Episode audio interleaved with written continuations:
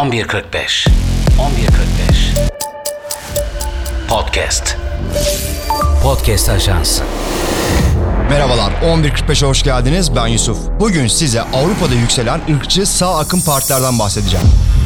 Bildiğiniz gibi son yıllarda dünya bir düşünce vebasıyla, ırkçılıkla tekrar sınanmaya başlandı. Irkçılık özellikle Avrupa demokrasilerini son yıllarda pek çok kez sınadı. Neredeyse her gün bir AB ülkesinde olan nefret suçu haberlerini medyada görür olduk. Avrupa Birliği Temel Haklar Ajansı'nın yayınladığı bir rapora göre neredeyse her AB ülkesinde nefret suçlarında son 10 yılda radikal bir artış saptanmış. Ve raporda AB üye devletlerinin bu konu üzerinde hukuki çalışmalar yapması önerilmiş.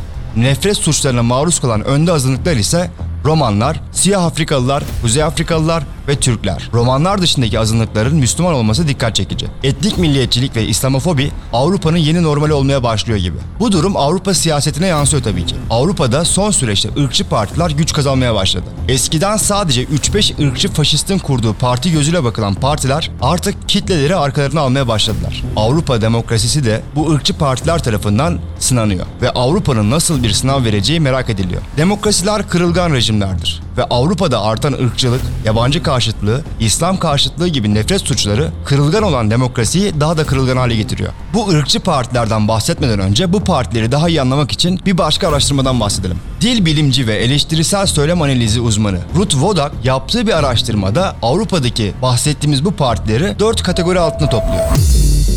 Birincisi faşist ve nazi geçmişiyle destek kazanan partiler. Bu partilere İtalya'da rastlamak mümkün. İkincisi özellikle İslam'ı bir tehdit olarak gören partiler. Bu partilere İsveç, İsviçre gibi ülkelerde rastlamak mümkün. Üçüncüsü propagandalarını etnik azınlıkların ulusal kimliklerine saldırmak için kullanan partiler. Bu partilere yine İtalya'da ve Portekiz'de rastlamak mümkün. Dördüncüsü Hristiyan köktenci partiler. Polonya mesela buna çok güzel bir örnek. Vodak, Orta ve Batı Avrupa'daki çoğu radikal partiyi sağcı popülist olarak tanımlıyor. Ve İslam karşıtlığı neredeyse bu partilerin hepsinde var. Avrupa Dış İlişkiler Konseyi eski uzmanlarından Thomas Klau, 1910'lardan 1930'lara kadar ırkçı partileri birleştiren ana düşünce antisemitizmdi. 21. yüzyılın başından beri ise İslamofobi analizini yapıyor. Avrupa'da önceleri küçük bir topluluğun aşırı sağcı düşünceleri olan partiler artık ana akım partiler haline gelmeye başladı. Şimdi Avrupa'da öne çıkan sağın biraz daha sağındaki önemli partilere bir bakalım. İlk parti bugünkü aşırı sağ partilerin itici gücü sayılabilecek Pejida. Açılımı Batı'nın İslamlaşmasına karşı vatansever Avrupalılar. 20 Ekim 2014'te ilk kurulduğunda 350 üyesi olan Dresden merkezli Alman Pejida hareketi Ocak 2015'e gelindiğinde 25 bin üyeye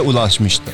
Bu hareket Avrupa'daki aşırı sağcıların örnek aldığı bir hareket olarak biliniyor. Bir metodoloji yarattı resmen. Almanya'dan devam edelim. Bir diğer parti Alternative für Deutschland Partisi. Yani Almanya için Alternatif Partisi. Neonezi olarak da bilinen partinin temel politikası yabancı karşıtlığı. Göçmen karşıtlığı politikalarla 2013'te kurulan parti aynı yıl seçimlere girdi. %4.7 oy aldı ve meclise girmeyi kıl payı kaçırdı. Çünkü Almanya'da baraj %5. Avrupa Birliği'ne şüpheci yaklaşımını politikalarına entegre eden parti 2021 seçimlerinde %10,3 oy aldı ve meclise girdi. Son anketlere bakıldığında bir sonraki seçimlerde AFD'nin %15 ila %20 arasında bir oy alması bekleniyor. Bir diğer parti İtalya'dan. Şu an iktidarda olan Brothers of Italy. İtalya'nın kardeşleri partisi. Berlusconi'nin eski bakanlarından Meloni'nin kurduğu parti uzmanlar tarafından 2. Dünya Savaşı'ndan beri en sağcı parti olarak görülüyor. Sağ Popülist Parti Avrupa'da iktidara değil sisteme alternatif olduklarını iddia ederek Avrupa Birliği'ne sert eleştiriler savuruyor. Partinin temel politikası göçmen karşıtlığı. Parti 2022 seçimlerinde %26 oy alarak iktidara geldi.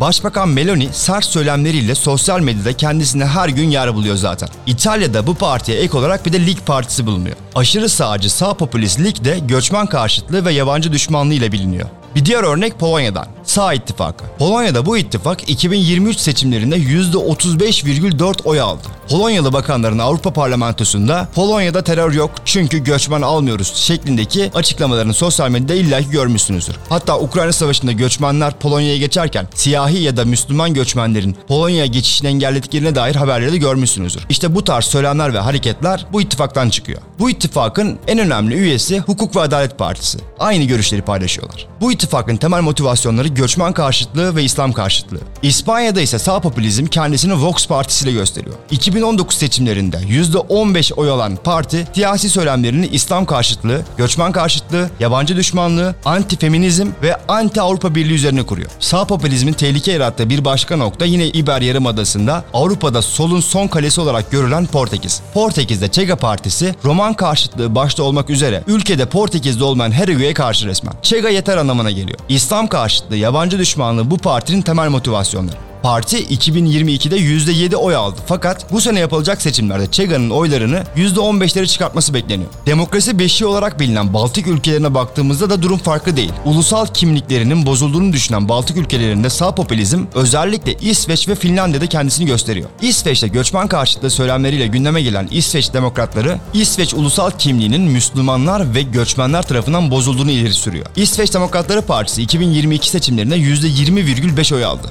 Finlandiya'da ise durum farklı değil. Finns Partisi göçmen karşıtlığı, çok kültürlü toplum yapısına olan eleştiriler, milliyetçilik, ekonomik korumacılık ve AB ve Euro karşıtlığı gibi politikaları kendi bünyesinde kullanıyor. Finlandiya'da Finns Partisi 2023 seçimlerinde %20 oy aldı. Analizler gösteriyor ki sağ popülist partiler Avrupa'nın yeni ana akım partileri. Eskiden sadece 3-5 kişinin marjinal fikirleri olarak görünen görüşler artık ülkeleri yöneten görüşler haline geldi. Bunca yıl ırkçılık ve faşizmle mücadele eden dünyamız yine ırkçılığın, neonezilerin, İslam karşıtlarının eline düştü. Bu hastalıklı düşüncelerle yine mücadele etmek zorundayız. Avrupa'da bu görüşlerin ilerleyen dönemlerde daha da güç kazanması bekleniyor. Avrupa demokrasisi acaba bu sınavdan geçebilecek mi? Yoksa kendisini ırkçı ve faşist düşüncelere teslim edecek? Bekleyip göreceğiz. Peki siz Avrupa'da yükselen sağ akım partiler hakkında ne düşünüyorsunuz? Bir sonraki podcast'te GDH'da görüşmek üzere. 11.45 11.45